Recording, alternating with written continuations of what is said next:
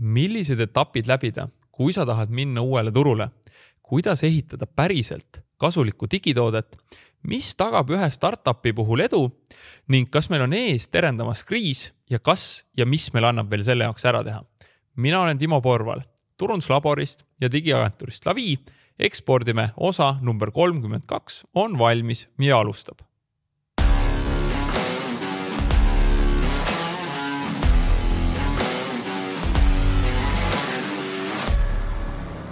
enne veel, kui läheme saate juurde, siis tule otsi Facebookist üles grupp Ekspordime ning tule sinna liikmeks, siis sa saad alati teada, kui uus osa ilmub. ja kui sa kuulad täna seda podcast'i, siis tea, et tegelikult on olemas Youtube'is ka videod, otsi sealt üles Ekspordime Youtube'i kanal, vajuta subscribe ja saad samuti alati teada, kui uus osa on väljas. Läheme saate juurde täna on külas mees, kes rääkis startup indusest ammu enne, kui see seksikas oli ja meil ükssarvikud hakkasid tekkima. sel ajal polnud veel Ragnar Sassil Pipedrive'i, vaid United Cats and Dogs. vot täpselt, vaevalt te seda mäletate. tookord alles kogus hoogu ning Bolti ehk kunagi Taxify'd polnud veel arendama ka hakatud. minu tutvusringkonnas ei ole teist sellist inimest, kes nii paljusid erinevaid ettevõtteid seest ja väljast näinud on ning neile nõu andnud. tegelikult mitte ainult nõu, vaid päriselt tiivad mulle väga meeldis ta hiljutine soovitus arendajatele ja minu meelest saab seda laiendada kõikidesse valdkondadesse. see kõlas nii. hakka mõtlema endast kui mitte arendaja, vaid arendajast mingis ärilises või elulises valdkonnas. ole äriliselt pädevam ja saa aru suuremast pildist. otsi üles valdkond, mille vastu tunned huvi ja saa lisaks IT-le ka selle valdkonna spetsialistiks tunne oma lõppklienti ja vaata suuremat pilti. ta ei pidanud paljuks mind kahe tuhande üheteistkümnendal aastal kolm korda mentordada ja aidata mul valgusaastatega edasi jõuda.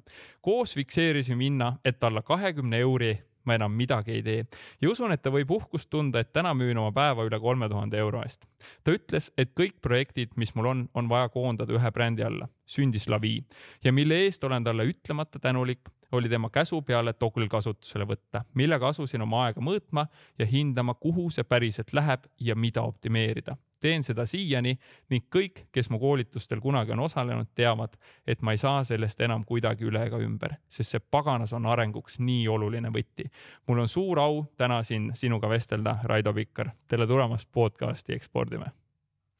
meeldiv siin olla, väga soe sissejuhatus. tahad sa siia sa oled ise väga soe inimene ka, tahad sa siia midagi täpsustada, lisada, parandada? ma arvan, et see sissejuhatus oli äh, äärmiselt soe ja, ja meeldiv ja, ja ühtepidi, äh, kes tahab rohkem teada, läheb guugeldab, vaatab LinkedIn'i, mu profiil on suhteliselt kättesaadav. viimasel ajal on ka mu turundusinimesed ja PR inimesed mind natukene sundinud et ma pean veits nagu nähtavam olema seega viimasel ajal on ka neid kirjutisi võimalik lugeda, kus ma tegelikult rohkem räägin sellest, et kes ma nagu olen ja mida ma teen. Neid ettevõtteid on erinevaid, aga lõpuks nagu ettevõtteid ettevõteteks, et ähm, lõpuks kogu aeg olen tahtnud muuta maailma paremaks ja lihtsalt ma sattusin valdkonda, kus ma teen seda tehnoloogiaga. et lõpuks läbi mentordamise, coach imise, läbi inimeste aitamise just nimelt tehnoloogia valdkonnas ma lihtsalt teen seda, mida ma eluaeg tahtsin teha ja, ja sa oled seda tõesti nagu aasta, juba me võime öelda aastakümneid teinud. jah, et ähm, oma esimese äh, äriplaani kirjutasin enne kooli, kus mu eesmärk oli olla nagu jõuluvana. reaalne nagu trükitud äriplaan, kõik värk, onju. aga seda heatahtlikku joont, et teisi aidata ja toetada, seda tuletas mulle meelde minu mm, enda esimene mentor, et kui ma töötasin äh, teeninduses jooksupoisina siis üks, üks härrasmees, väga tark härrasmees nägi mus midagi, hakkas mind nagu aitama, toetama, mentordama, coach ima. ja see oli aastal kaks tuhat viis äkki, viis-kuus. ja, ja kuskilt sealt maalt alates ma olen tundnud sihukest nagu teatud mõttes nagu väikest nagu karmavõlga või, või sihukest mm -hmm. nagu, nagu soovi, et kuule, et kui teda poleks olnud ma poleks mitte kunagi nagu nelja aastaga tõusnud jooksupoisist tegevjuhiks, olles kahekümne ühe, kahekümne kahe aastane. ja, ja kuidagi siiamaani on sihuke tunne, et, et kui tema tegi seda minule, noh, ma ei oskagi öelda, mitu aastat või mitu kümmet aastat ta mu arengut kiirendas. siis praeguseks jah, neid inimesi on aidatud, ma arvan, nagu sadade kaupa ja üks viiekümne, kuuekümne ettevõttega, isikuga ma olen töötanud ikkagi süviti. Et äh, ma arvan, isegi sina oled seal selle süviti ja mitte süviti nagu tegelikult aitamist ikkagi kuskil seal, seal tagapool, et, et sinna mm -hmm. ikkagi ma aitasin suhteliselt kiiresti paari asjaga joone peale. ja, ja tegelikult sa juba leidsid endale, endale sobivad viisid ja süsteemid ja kuidas oma partneritega ja tiimiga seda eh, toetust nagu saada aga, aga väga paljudega on see koostöö kestnud jah, nagu kaheksa aastat või, või osadega ongi juba ligi kümme. ja läbi teiste aitamise õpid isegi rohkem mm. -hmm. nii lihtne ongi ja, ja mulle meeldib eh, üks mõte, et eh, kui mult eh, ka kunagi öeldi, et aitäh, Timo, et sa aitasid, ma ei tea, kuidas ma sulle tagasi teen, siis ma ütlesin ka ära, tee tagasi, tee edasi ja sinu südamerahuks võin öelda, et ma olen ka mentordanud ja aidanud siis turunduse valdkonnas nii palju, kui vähegi oled, olen jaksanud ja jõudnud, nii et ütle, milliste startup'ide üle sa ise kõige rohkem uhkust tunned, milliste tiimide üle um,?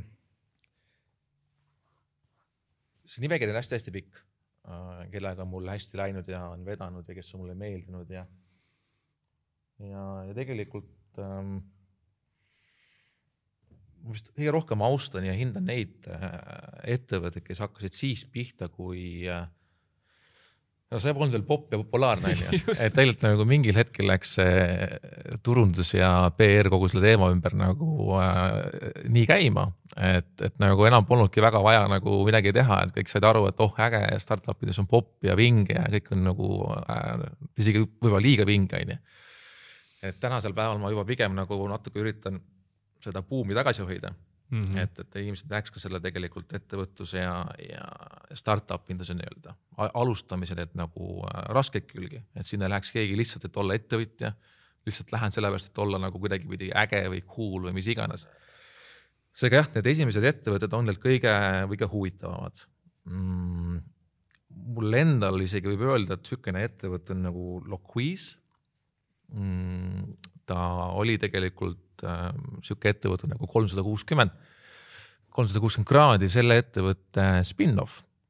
Ja see, see founder äh, oli tegelikult hästi, ongi seiklusmängude korraldaja, niisugune mm, ürituskorraldus, kõik niisugune asi ja, ja see, et sealt tekkis lõpuks siis nii-öelda iPad'i peal mängitav mänguplatvorm ühe-kahe aasta jooksul, mis siiamaani toimetab, on kõik need äh, koroonad ja kriisid nagu üle elanud, olgugi et ta pakkus teenust nagu teistele ettevõtetele, kes panid kriisi ajal kõik, kõik pillid kotti.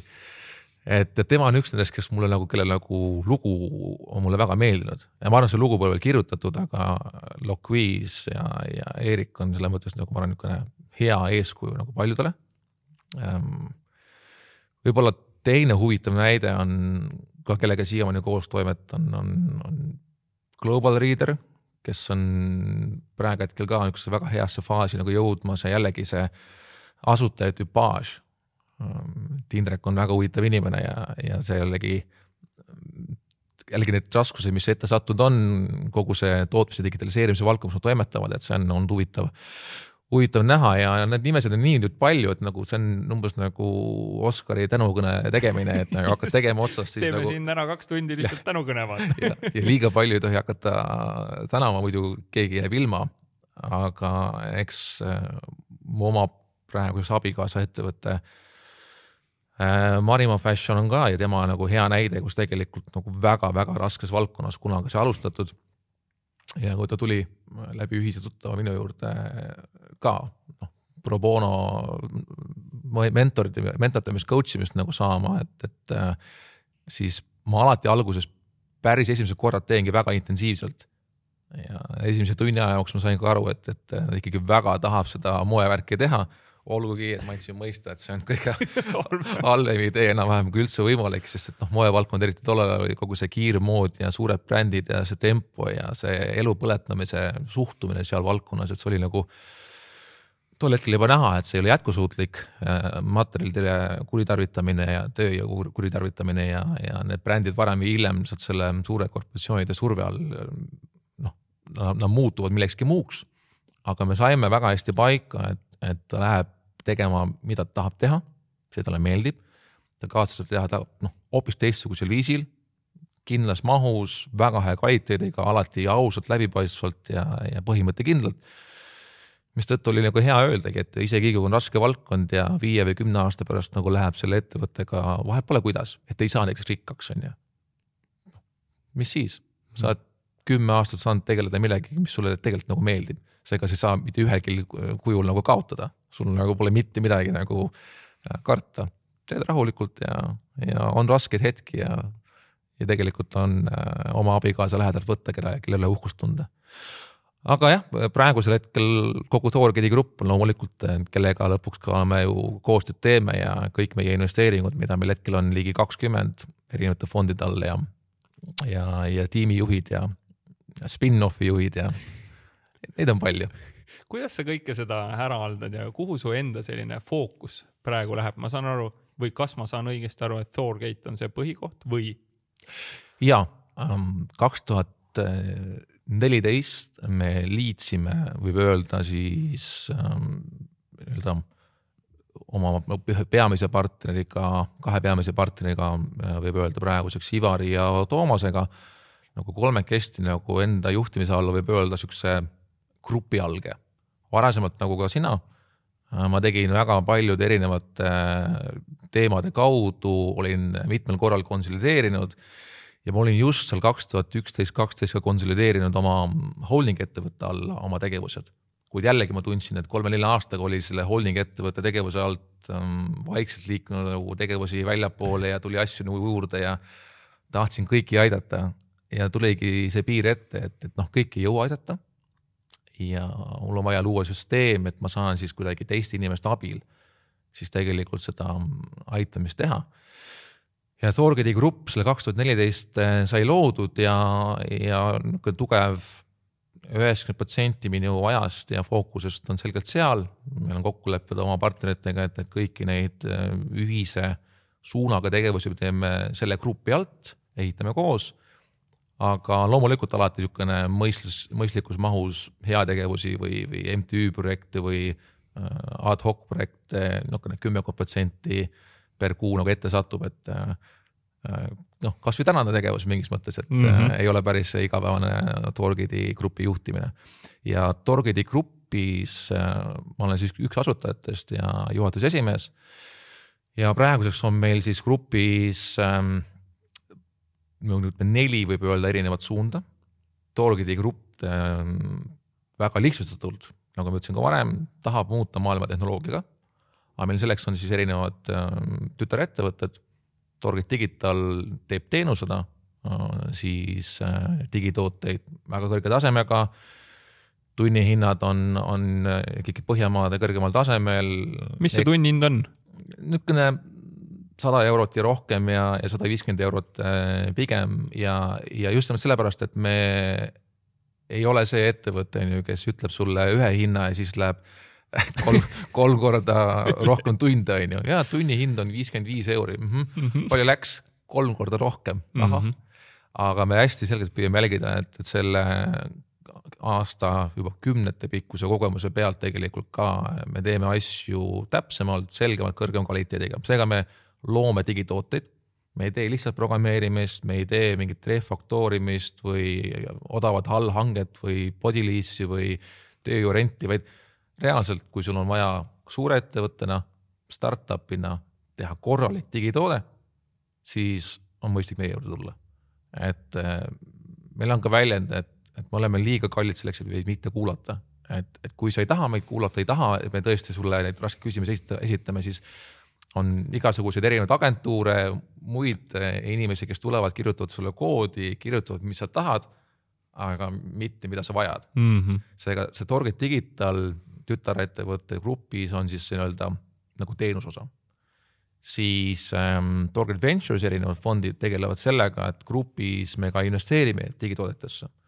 et me investeerime selleks, et noh, loomulikult ka ettevõtjaid aidata ja toetada, me mentordame neid. Äh, mina samuti aga selle ette eesmärgiga tegelikult, et äh, me hoiame ärilist fookust kindlatel ärivaldkondadel ja kui me sinna investeerime, ehk siis innovatsiooni, võtame riske, me õpime konkurentidest rohkem.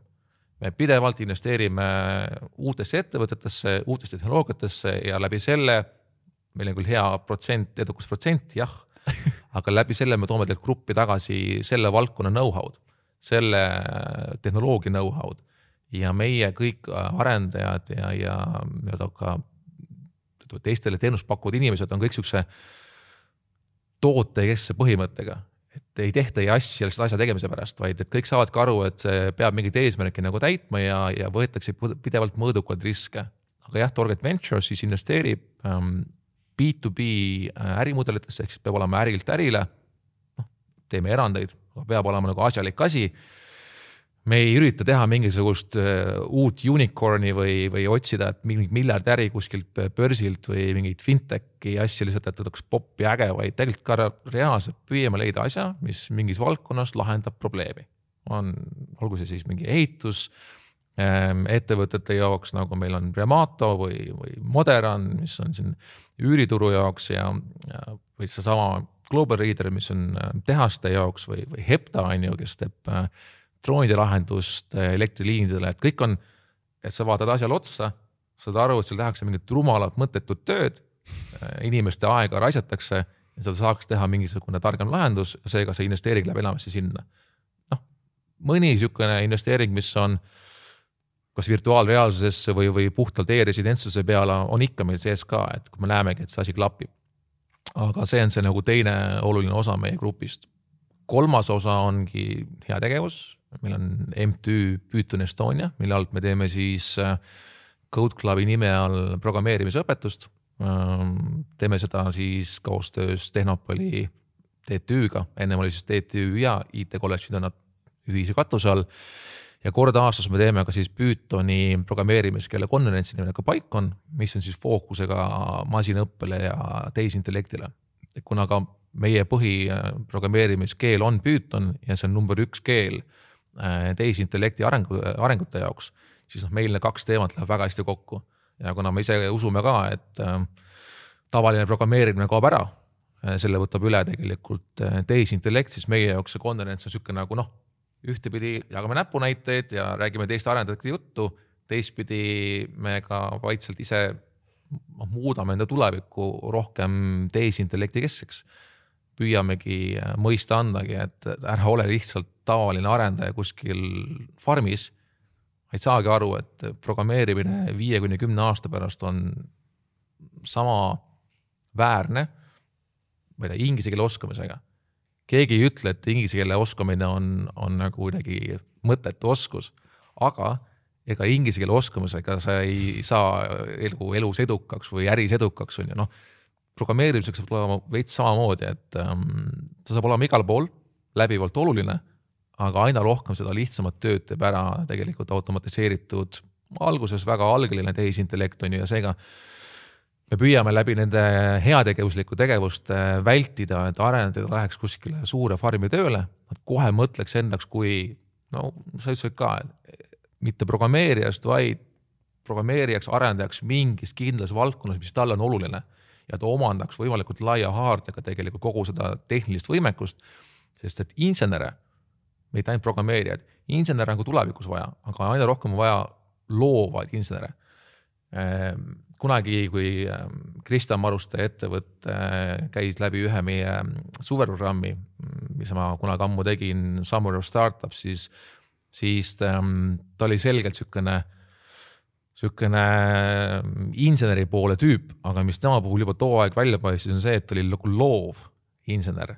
ja praeguseks ta ongi ju väga uhke grupidelt juht ja tegi minu arust väga vinge kõne just neljapäeval mm, ettevõtjate on ju tänamise galal, et kus ta andis ka mõista, et tulevikus ei aita ainult insenerioskus, tulevikus aitab just nimelt aina rohkem see, see loovus, see, see soov midagi muuta paremaks, muuta maailma ja, ja need ideed võivad tulla ükskõik kuskohast.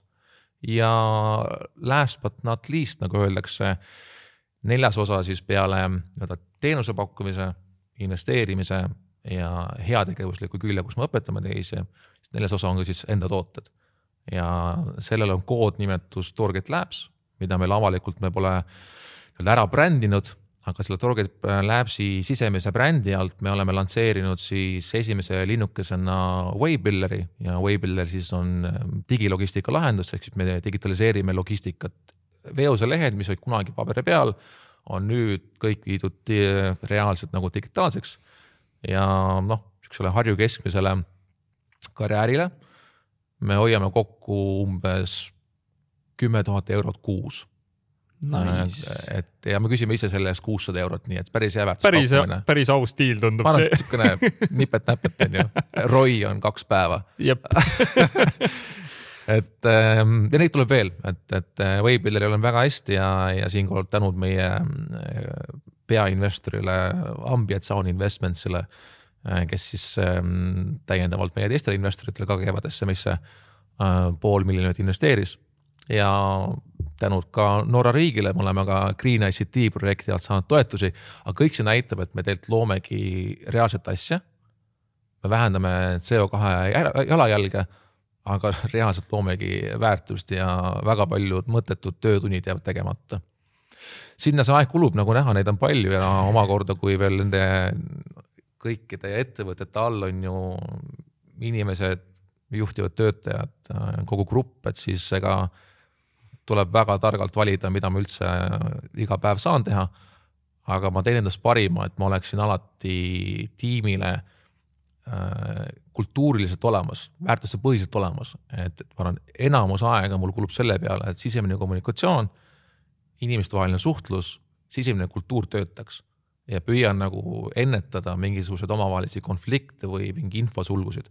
ja siis ütleme, veerand aega on võib-olla see strateegia ja see nii-öelda see äriliselt põnev osa. ja, ja ülejäänud aeg juba täitub iseenesest niisuguste meilinduse ja muu mudruga, nagu öeldakse, et, et sellest ei pääse kuidas te oma digitaali suunale just sellist ekspordiklienti saanud olete, et ma saan aru, et see ei ole ju ainult Eesti klient, et teil on peakontorid, ma vaatasin, et olid Norras ja UK-s ja. Target Digitaliga on nagu olnud aastast kaks tuhat neliteist, viisteist hästi lihtne strateegia, fookus et me alustasime sellega, et me tegime lihtsalt väga hästi Pythoni põhist programmeerimist, üks programmeerimiskeel, kindlad raamistikud ja me olime äriliselt hästi laiali, me olime tookte funktsionaalselt hästi laiali. tegime, mis ette juhtus, aga peab olema Python. siis üks kaks tuhat seitseteist, kaheksateist ma hakkasin tõmbama kokku, okei okay,, nüüd tehnoloogia jääb samaks, fookus on paigas.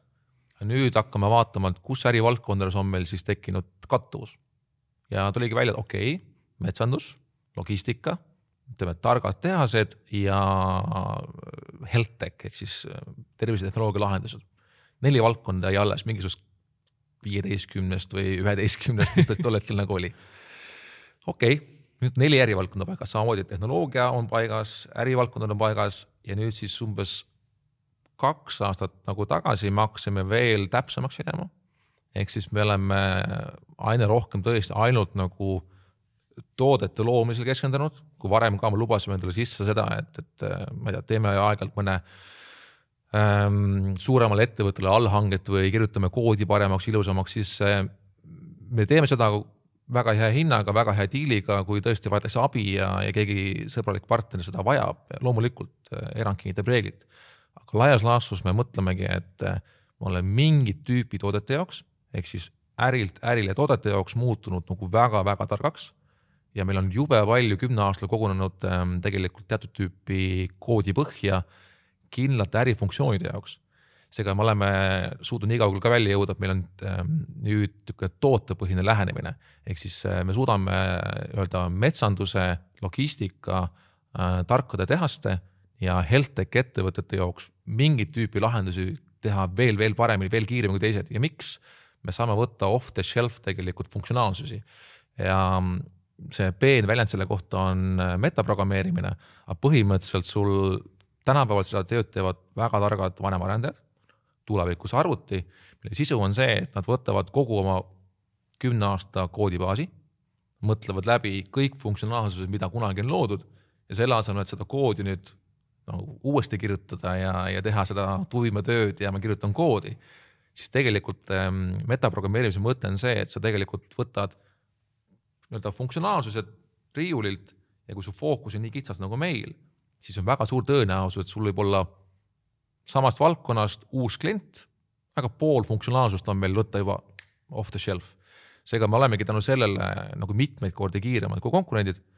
noh, meist ei saa pakkuda odavamat nagu toodet mitte keegi, see ei ole võimalik lihtsalt ja, ja meil on väga lihtne minna kliendi juurde, olgu see Eestis, Norras, kuskil mujal ja öeldagi, et ainuke variant, kui sa meie pakkumist vastu võtta, on see, et, et, et sa usud kellegi valet. et sa usud, et tema eelarve on õiglasem ja, ja siis on meie halb töö. me ei ole piisavalt usaldust sulle tekitanud, piisavalt referentse näidanud, meie taust tundub nagu kahtlane, mis iganes, me õpime sellest, andke teada, miks meid seekord ei valitud, on ju, ja järgmine kord läheme targemana peale. Ja väga tihti, isegi kui me pakkumise kaotame, tullakse kuue kuu pärast või üheksa kuu pärast, et jah sul oli õigus, võtsin selle teise pakkumise, ei olnud odavam, oli kolm korda kallim. et, et see kogu tegelikult Torgit Digitali ekspordistrateegia on lihtsalt väga pikaajaline, kannatlik fookuse hoidmine. pidevalt kontrollid, et sa teed õiget asja loomulikult, aga püüad hoida niisugune kaheksakümmend protsenti fookust paigas ja tekitad tegelikult läbi selle väga suure usalduse meie nii hinna, meie brändi, kogu meie meeskonna vastu ja üks väga oluline komponent ongi see, et sa ei karda ka kliendile öeldagi, et sa ei peaks meie juures olema. et nagu ärge seda ehitage, meie kõige uhkemad õppetunnid peale nagu loomulikult mega suurte rahaliste kaotuste. Meie kõige uhkemad õppetunnid on need, kui me saame mõne, mõnikord kliendile öeldagi, et, et, et tore, et teil oli pool miljonit eelarve. aga me nüüd viie tuhande euroga vaatasime asjale otsa ja te ei peaks seda asja ehitama ise siin on off the shelf lahendus, see ettevõte, see ettevõte, palun minge, nelisada üheksakümmend viis tuhat eurot on alles, implementeerige selle eest, the shit out of it on ju, andke minna. see, see informatsioon turul nagu levib, et me oleme mingite asjade jaoks selgelt väga-väga head. Tahaks loota ka tõesti, et äh, kui mitte parim juba, siis vähemalt parimate hulgas kindlate asjade jaoks, kas kõigis saab parim nagu olla ja me ei, ei karda nagu tegelikult kliendile öeldagi ebameeldivaid asju, nagu tuua halbu uudiseid, sest et noh, lõppude lõpuks äh, pikas perspektiivis nad hindavad seda. see on nagu, ma ei tea, praeguseks juba kahe lapse isana kohe varsti kolmas laps tulemas, et, et su eesmärk ei ole alati olla lapsele sõber. eks ole. sa pead olema nagu lapsevanem. et äh, ja miks, sest sa oled selles osavam, targem, mida sa teed see on sinu vastutus. samamoodi kui klient tuleb sinu juurde, sa oled temast nagu targem, võimekam selles valdkonnas. on minu arvates nagu väga noh, väga ebaeetiline tegelikult oma jõupositsiooni ära kasutada ja, ja tegelikult, et ja, ja me ehitame selle ja siis saadad arveid et väga palju meie riigiprojekte tehakse niimoodi, väga palju suurettevõtted äh, saavad niimoodi lüpsta äh, paljude meie enda konkurentide poolt, aga, aga läbi aegade, kui tekib see maine, et me oleme eetiline ettevõte, samuti ma ise püüan käituda hästi läbipaistvalt ja, ja ausalt, siis tegelikult eh, küll see klient tuleb tagasi mingi muu asjaga. siis, kui tegelikult meid vaja oli ja siis ei pea läbi rääkima hinna üle, ei pea läbi rääkima, kas on seda väärt, vaid öeldakse, et ah, hakkame pihta, esitage, mis vaja on, kõik on õige niimoodi äh, selle ekspordi tegemine käib, noh. selle ekspordi jaoks nüüd peale selle pikaajalise fookuse äh, plaani paika panemise, see, et sa usud sellesse, mis sa nagu teed, on loomulikult vaja teha ka kindlaid spetsiifilisi tegevusi, nüüd need kontorid, mida sa mainisid. Kind of sihuke nice to have asi. Et ähm, ei soovita kellelgi teha väliskontorit sellepärast, et nagu äge, ma saan öelda, et on nagu Londonis või Šveitsis on mul aadress. see aeg oli kaks tuhat kümme, kaks tuhat üksteist kus Eesti ettevõttena sa pidid näitama, et sul on nagu kolm linnukest veel, et mul on Šveitsis kontor ja mul on Luksemburgis ja, ja Londonis ja New Yorgis on ju, seda enam pole vaja. ka too aeg oli üks coach'ite, coach'i trikk ütles mul see, et, et äh, ütlesin nii, et sul nägu korda teha, kui veebi teed, on ju, siis hangi endale kõigepealt on ju Skype'i kaudu on ju USA number on ju, hangi endale igaks juhuks ka mingi Euroopa mingi ägeda riigi number, mingi Šveitsi oma. Ja siis maksa kaks-kolmsada eurot kuus, noh too aeg. Ehm, teisi numbreid on ju võib-olla, aga, aga noh, mingi väikest summat per kuu, et sul on seal postkontor basically, mingi posti aadress, virtuaalne aadress, sa paistad suuremana.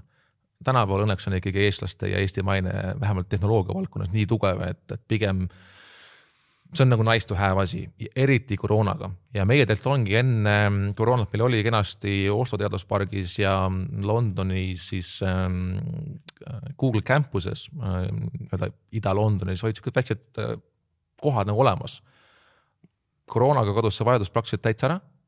ja, ja praegu hetkel me oleme uuesti Norras vaatamas, kas ja mida äh, seal äh, uuesti avada aga ka see riik on iga nagu iga riik on niivõrd palju muutunud, et me arvatavasti äh, peame kontori asukohta ümber vaatama ja oleme arvatavasti teaduspargist liikumas rohkem niisugune noh, Norra kalamaja kanti. Natukene nagu niisugune loovam piirkond on ju, aga jah, kontoritel kahjuks ei ole enam äh, sellist vajadust nagu kunagi, et see koroona ikkagi muutis selle selgelt niisuguseks nagu nice to have asjaks, küll aga kohapeal olla on väga vajalik.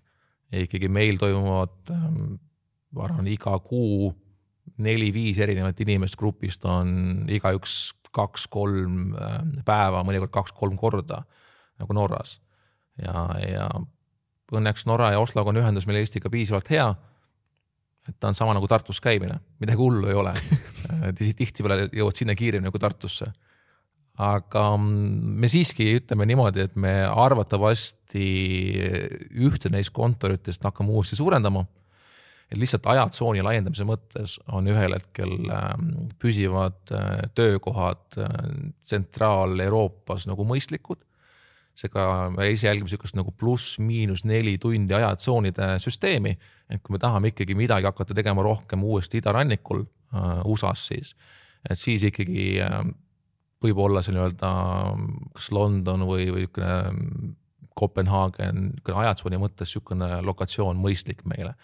et äh, lihtsalt ajatsooniga teeb lihtsamaks ja saab panna tegelikult äh, suuremate projektide projektijuhid siis tegelikult töötama äh, just nimelt nendest asukohtadest, mis noh, lahendab lihtsalt ajatsooni muret. That's about it sama, kui, kui sa räägid, ma lihtsalt noh, mõnus on kuulata, kui palju te oma selle tootega tööd olete teinud ja seesama, nagu sa ütled, et see jutt juba turu peal levib, palju turundus aitab teie sektoris üldse mingeid kliente saada, palju te teete turundust? turundus on nagu, ma arvan, sõjaväe mõttes nagu, kes pole muide lugenud äh, äriinimesena sihukest raamatut nagu Art of War, siis number üks raamat, Art of War, Sun Tzu on ju, aga ähm, turundus on nagu kaugtuli. et äh, sa võid seda kasutada enne, kui sa ei tea positsioone, vastase positsioone ja sellest on kasu, aga noh, mitte väga palju. kõik on ära kaevunud ja, ja pommitud küll ja kulu on suur, on ju, aga noh, tegelikult noh, väga palju mõju pole, on ju. ja mm, sa võid seda kasutada nii-öelda kõrvaldava vahendina pärast, kui on mingi lahing ära toimunud, noh, et, et siis nagu lõpuni ära lahendada see, see konkreetne olukord. ja, ja kahjuks tänapäeval on ka reaalseid olukordi on ju maailmas, kus me näeme, et neid asju tehakse ka päriselt sõjaliselt, aga, aga kahjuks või õnneks sõjategevusest ja, ja äritegevusest on, on nii mõndagi õppida ja, ja ka sõjategevust saab teha siiski inimlikumal viisil või, või läbipaistvamal viisil ja õiglasemal viisil ja eetilisemal viisil ja, ja loodame, et, et see see konkreetne juhtum saab õiglase lahenduse hästi-hästi äh, varsti. aga, aga turundus ja äritegevus, kui sa teed seda nagu ennetava tegevusena, ta on suhteliselt ebaefektiivne. seega nagu me turundust ikkagi, kui me mingit uut turgu võtame, kasutame siis, kui meil on äh, sillapea olemas, meil on dessant tehtud, meil on mingisugune arusaamine olemas, et mis seal toimub, sul on luure üle käinud, äkki mingisugune eriüksus on kohal käinud toonud info tagasi, mis toimub. ja siis sa hakkad tegelikult nagu mõõdukus mahus pihta on ju tegelikult täppislaskudega, okei okay,, mingid PR-tegevused, mingid assotsiatsiooni, kuhu liikmeks sa astud, mingid suunatud tegevused, kas siis LinkedIn'i kanalis sinu sektorile. et tegelikult see, see eeltöö, et sa saad aru, et kas meie toode ja see turg sobivad. kas see eksportturg ja meie toode nagu klapivad kõik see on vaja ära teha, paika saama, tänapäeval eriti lihtne tegelikult ka reaalsed kliendid välja otsida, kellele me peaksime sobima. ja lähed koha peale, teed kõik vajalikud tegevused selleks, et nendega kokku saada. jällegi on olemas riikidevaheliste suhete puhul majandusesindajad, meie esindaja seal riigis, nende esindaja siin riigis, suursaadikud, ähm, diasporaa ehk siis eestlased, kes elavad meie puhul näiteks Norras või norrakad, kes elavad Eestis. hästi palju on võimalik eeltööd ära teha ka kaardistamisel läbi selle, et, et sa vaatad äh, reaalselt riikide rahvustevahelisi suhteid. et kes kellega suhtlevad, kes kellega räägivad ja võtad ühendust ja olgu see Norra, olgu see USA, olgu see äh, UK, Belgia, meil on kliente vist viieteistkümnest riigist, pluss ähm, äkki praeguseks kindlasti juba rohkem. enamasti see toob edu. sa saad palju paremini aru, et, et kuhu sa pead sihtima, kas üldse sihtida ja, ja, ja siis hakkad kohapeal käima. Q2, iga turg, kuhu me läheme, ma olen alati olnud ise esimesena kohal. Q2 kasutan kõiki oma aastatepikkust kontaktvõrgustikku, et veel täpsemaks ajadagi, rääkidagi, kellegi veel rääkima peaks ja suhtlema seega niisugune hea ettevalmistus, ma arvan, nagu B2B tootel on kaks kuni kolm kuud. esimene kuu niisugune võib öelda kuivem töö, püüad aru saada ka paberi peal, et mis nagu võiks töötada. teine kuu tegelikult võimalikult palju neid kokkusaamisi teha, mis on riikide vahel anyway olemas, saadikud, assotsiatsioonid, kaubanduskojad ja muud taolised ja siis see kolmas kuu on see, et sa kasutad nii palju kui võimalik enda siis kontakte, käid koha peal ja siis veel valideerid, et see nii-öelda product market fit või selle sinu toote, selle turu fit nagu töötab. ja siis teed kõik, mis vajalik, et sellel turul esimene klient lukku saada.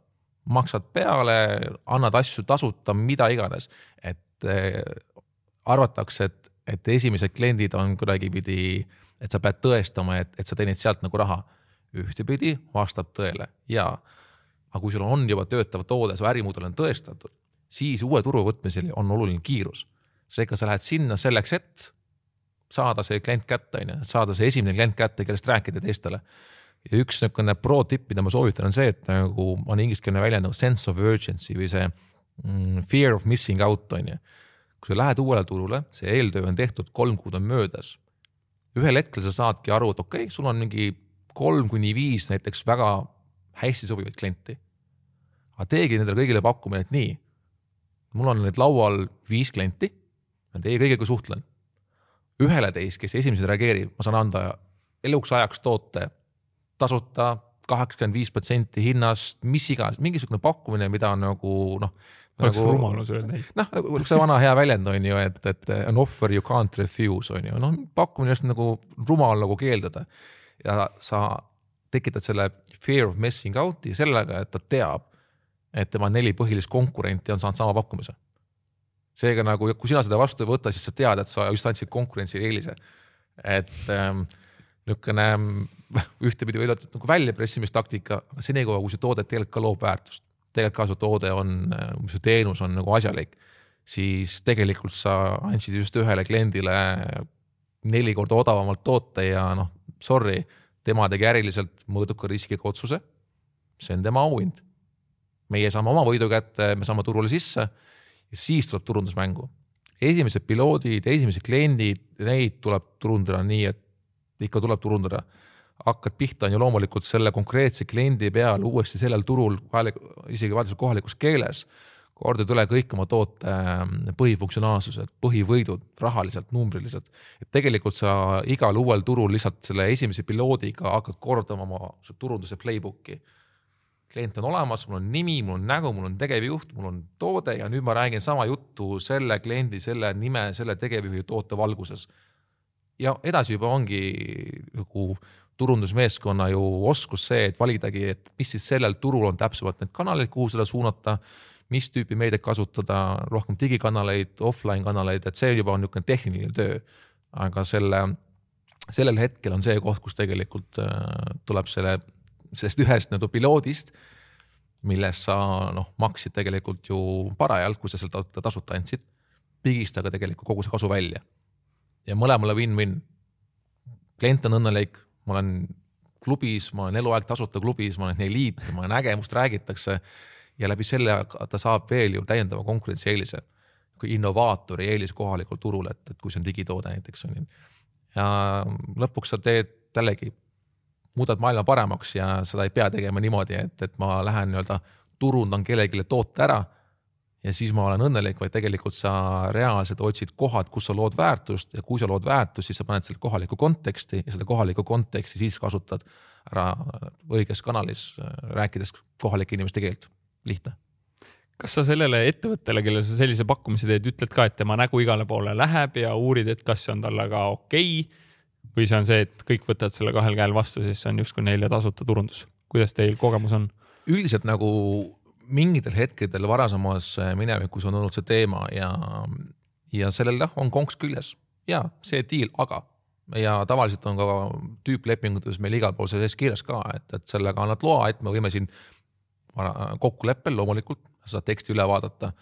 Ehm, me saame sind, sind turundada, aga loomulikult me ei turunda sellisel viisil, et me seda sõnumit kokku ei lepi. seega me lepime kokku põhimõtteliselt, et näed, me saame sind kasutada on sul midagi varjata, seda me ei räägi teistele, aga põhimõtteliselt, kui sa oled meie klient, me peame olema olukorras, me saame teistele öelda, et sa oled meie klient. ja mis mahus ongi hästi spetsiifiline. mõndadel ongi see, et et jah, me saame öeldagi välja, et see klient, need ütleme näitajad ja, ja see ongi kõik. Aga mõndade puhul on see just ekstra nendele veel boonuseks, et nad saavad tasuta PR-i lihtsalt, et nende tegevjuht on tark, osav, ilus, seksikas, sest tema valis selle toote ja meie tegelikult hea meelega oleme taustal ja tegelikult me turundamegi tegelikult läbi selle, et selle kliendi teeme, selle äh, toote kasutaja teeme tegelikult tähtsamaks. ja nii ongi õiglane, kui me ise usume, et meie toode on nagu hea ja väärtuslik, siis ta tegigi targa otsuse mm, -hmm. et nagu halloo. Päris värk. palun, et nagu äh, räägige teistele, et nagu, et teised on natukene rumalad, natuke aeglased, et miks nad juba ei kasuta.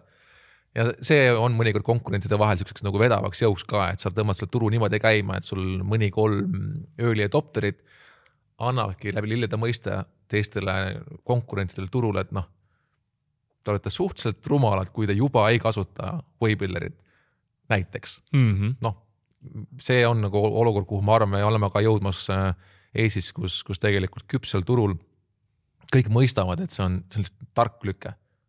pakkumine on hea, diil on hea ja see ebamugavus ka, kui sa ei ole nagu nii innovaatiline ettevõte kui ikkagi kakskümmend protsenti turust kasutab, mingil hetkel see ongi see, et sa lihtsalt noh, saad aru, et tegelikult mulle uued asjad ei meeldi, ei tahaks, muutus on ilgelt nõme.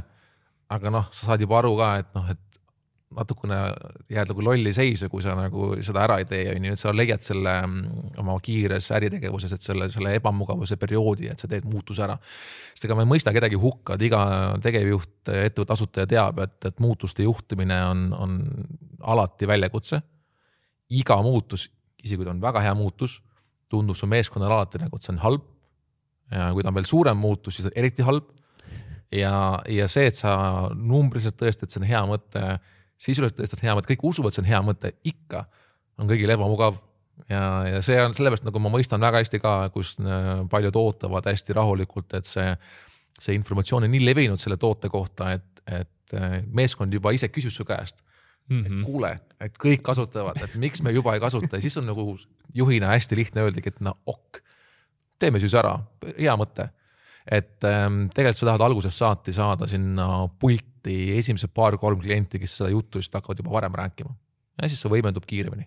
enne kui me lähme järgmise küsimuse juurde, siis kui sul on vaja korralikku veebilehte, mis aitab sulle rohkem kliente saada ja rohkem päringuid saada, siis äh, tule vaata Lavi lehte, lavi.ee lõpus kaks i.ee ja, ja vaata, kuidas me sind aidata saame. samuti näed seal, milliseid töid me juba oleme teinud ning kliente, keda juba aidanud. ja samuti, kui sul on usaldus juba praegu olemas, siis võid julgelt helistada mu kolleeg Henri Palmarile viis üks kaks seitse kaheksa kolm kaheksa. nüüd aga võtame ette järgmise küsimuse ja naaseme podcasti juurde kui sa lähed sinna siis uuele turule koha peale ise, see on see kolmas kuu näiteks, mis sa seal kohtumistel räägid või mis nõuandeid sa annaksid kuulajatele, mida kindlasti teha, mida, mida mitte teha? kuula. Äh,, nii nagu sinu roll täna on enamuses kuulata loodetavasti, võib-olla ka mitte, eks see näeb, on ju, aga seitsekümmend protsenti äh, kuula. Äh, püüa küsida suunavaid küsimusi, meeldivaid küsimusi, et saada tegelikult informatsiooni sul on luure. su eesmärk on tegelikult nagu kontrollida eelnevat, kui sul on tehtud eeltöö ära. sul on räägitud nüüd seal teisel kuul näiteks on ju asjaosaliste poolt, kes natuke nagu turgu teavad mingit infot, siis valideeri seda eelnevat infot. kõik seda research'i, turu suurused, kas nagu see reaalselt koha peal jutt sulle ja see, mis on varem paberi peal ja mida on räägitud nagu sekundaarsed inimesed, kas see klapib et see, et sulle räägib majanduse esindaja midagi, on ju selles riigis, selle sinu sektori kohta, ega nemad ei tea su sektorit ikkagi lõpuni välja. Nad vaatavad ikkagi nagu, et noh, ma tean paari venda, ma teen paar kõne, on ju. seega sa pead nagu ajama asja detailseks ja lõpuks sa otsid seda esimest klienti. iga vestlus peaks lõppema sellega, et sa tegelikult püüad aru saada, et nagu okei okay,, kui kõik see eelnev vastas tõele, turuinformatsioon tundub, klakib, äh, meie toode peaks siis sobima. See tüüp on hästi valitud intervjuu partner. järelikult lõpus, kui ta usub meie juttu, kõik klapib, küsida soovitusi. okei okay kes on see number üks, number, top kolm klienti, kelle juurde minna. et sa ära tule, ära mine sinna intervjuule ootama või eeldama, et, et kohe sulle neid pakub. uuri, kuula, küsi, paku abi, mis sa ise teha saad. ja püüa ära tulla jah sellega, et, et on reaalsed soovitused, et äh, olgu need siis üks, kolm, viis või nagu vana hea müügitaktika on ju, et, et kui tema ei tea, on ju ühtegi klienti, siis ütled, aga äkki sa tahad kedagi soovitada, kellega rääkida, kes saaks mulle need kolm klienti anda, et noh, niisugune kuldne müügi niisugune abc on ju, kes, kes teavad, need teavad, et ähm, mõttes see on hästi-hästi oluline, et jah, et sa nagu ei kaota seda sihikut silme eest, et eesmärk on piloot saada, kogu värk. Äh, päris paljud, ma usun, ettevõtted täna mõtlevad oma selle toodete ja teenuste digitaliseerimisele enne, kui sellist projekti alustada, kuna te olete neid nii palju näinud millele tuleks mõelda ja millega arvestada, nii et see kõik rukki ei läheks? niisugune uuring on tehtud ähm, Californias, mille nimi on ähm, Startup Report või Startup Genome'i siis startup'i raport ja, ja nad teevad seda iga mõne aasta tagant uuesti ja, ja seal on tavaliselt niisugune valim kuussada kuni tuhat nagu erinevat tehnoloogiaettevõtet, enamus see startup'i. ja nendel on statistikas kirjas, et kõik nii-öelda digitoodete projektid lähevad äh, kaks kuni kolm korda üle eelarve ja, või raha, aja, on ju, et, et aeg, äh, aeg ja raha, on ju. ja, ja eks see nii ongi, aga enamasti ähm, kui sa oled hea nagu äh, tooteettevõte, siis ähm, sa ei lase sellel kliendil oma eelarvet käiku lasta. number üks asi, mida nagu teha, on see, kui sa oled piisavalt tark nagu tellija või osav tellija, siis me aitame enda ettevõttes sellega, aga kui tullakse sulle, et meil on kakssada viiskümmend tuhat, viissada tuhat, miljon on eelarve, siis me ütleme, et tore, aga nüüd kolmkümmend tuhat, lepime kokku kolmkümmend tuhat või viiskümmend tuhat tänapäeval tänu inflatsioonile, viiskümmend tuhat, miljon, väga tore, viiskümmend tuhat, that's it, neli nädalat. mis on kõige-kõige tähtsam? No kõige-kõige tähtsam ja sa sunnid tegelikult selle suure rahaka kliendi tegelikult mõtlemagi neid ebamugavaid tootemõtteid, et, et mis siis tegelikult on oluline. et tegelikult selle mm, kõikide eelarvete puhul, kes siis kasutavad sihukest järjestikust arendamise meetodit nagu waterfall või kes teevad siis nagu sprintidena pidevalt muudavad, ajavad alguses selle plaani nagu mega-mega suureks. aga see on nagu elevandi söömine, nagu see jakk elevanti isegi ei ürita seda mõtet nagu pähe võtta, ma hakkan seda elevanti korraga sööma, vaid sa teed selle elevanti mõnusalt tükkideks ja teed nii lihtsaks, kuni, kuni sinnamaani välja, et sa saad selle esimese ampsu võtta, see töötab. seega nagu number üks asi kõikide IT-projektide puhul on see, et fookus ja see minimaalne vajalik toode kokku leppida ja eriti, eriti just suurte klientide puhul, kus on sul on kiusatus ettevõtjana, ise nagu profina, et noh, võtame siis selle pool milli vastu, on ju.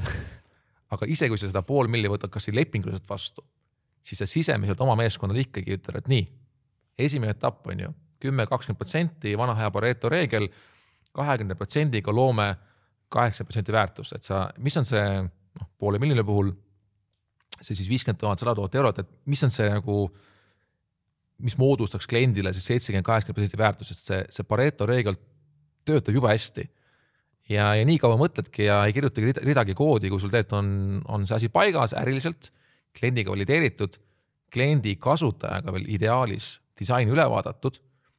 ja kui ikkagi läheb nii, nagu me alati üritame, me ei kirjutagi ridagi koodi ennem, kui on disain ka valideeritud. et tegelikult sul on see äriline tootejuhtimise pool, valideerimine, läbimõtlemine, eelarve kitsaks, siis on sul see disaini osa, üks või kaks iteratsiooni, kliendi intervjuud ja, ja kui see on kõik tehtud ja siis kõik nagu klapib, siis sa võid ühel hetkel öelda, et davai, et nüüd see ülejäänud on ju nelisada tuhat, me hakkame nüüd sealt võtma vaikselt, on ju. et ähm, niimoodi on tagatud see, et igal juhul sa juba oled edukas sul on midagi, mis on, on sellest rahalisest mahust kakskümmend protsenti, mis ka kliendi hinnangul loob enamuse väärtusest. Igal juhul on juba niisugune neli miinus tüüpi lahendus olemas. midagi saab kasutama hakata. Versus see, mida tehakse nagu meil tihtipeale IT-projektides, et eh, jah, oli tähtaeg. ei saanud valmis, andke aasta aega juurde, mitte ükski asi ei tööta. kõik, mingi asi ei tööta, meil on back-end on valmis, platvorm taustal nagu tegelikult nagu hästi võimas hästi,, hästi-hästi süsteemne, hästi äge on. aga lihtsalt nagu teie ei näe mitte midagi. et see on see nagu tüüpiline asi, mis nagu noh, see on umbes nagu, kui sa ehitad nagu maja ja, ja siis äh, selle asemel, et äh, üritada nii kaugele välja jõuda, et esimesel võimalusel on ju panna katus peale siis enne katuse panekut pannakse kips ära ja elektritööd tehakse ära ja, ja kõik värgid on ju, kõik töötab, on ju. aga nüüd on jama olukord, et noh, talv tuleb, on ju, katust ei ole. ja kui te nüüd seda lisaeelarvet meile ei anna, on ju, siis me katust peale ei saa ja siis kogu töö läheb raisku. ja nii lähebki, öeldaksegi, et nüüd on vaja uut eelarvet, miks, sest tehnoloogia on iganenud. Et kaks aastat on möödas, kõik API-d uuesti, kõik idestused uuesti, on ju. seega jah, kuidagi unustatakse niisugune talupoja tarkus, ma arvan, nagu ära, et, et, et lihtsalt ähm, mõtle välja see kakskümmend protsenti, mis loob enamus väärtusest, hoia ise fookust, hoia kliendil fookust, kui klient seda ei suuda teha, on sinu vastutus olla targem ja, ja eetika. ja, ja sealt juba on võimalik alati hakata fine tune ima. Ja edasi juba on palju-palju äh, lihtsam, kui sa saad kõik samamoodi mõtlema. ja kui vaja on, ütledki, et sorry, viiskümmend tonni läks ära. me tegime seda, seda, mis oli vaja teha, vaatasime, testisimegi, aga nüüd on stopp selle käigus me saime aru, et tegelikult äh, on olemas paremad lahendused, paremad äh, meetodid, ei pea ise ehitama. näed, palun research'i tulemus on see, minge hoidke see raha kokku mis on need äh, rasked küsimused, mida te küsite, et selle tuumani siis äh, jõuda, et mis on see täpselt kõige olulisem, mida me siis peaksime tegema selle esimese nelja nädala?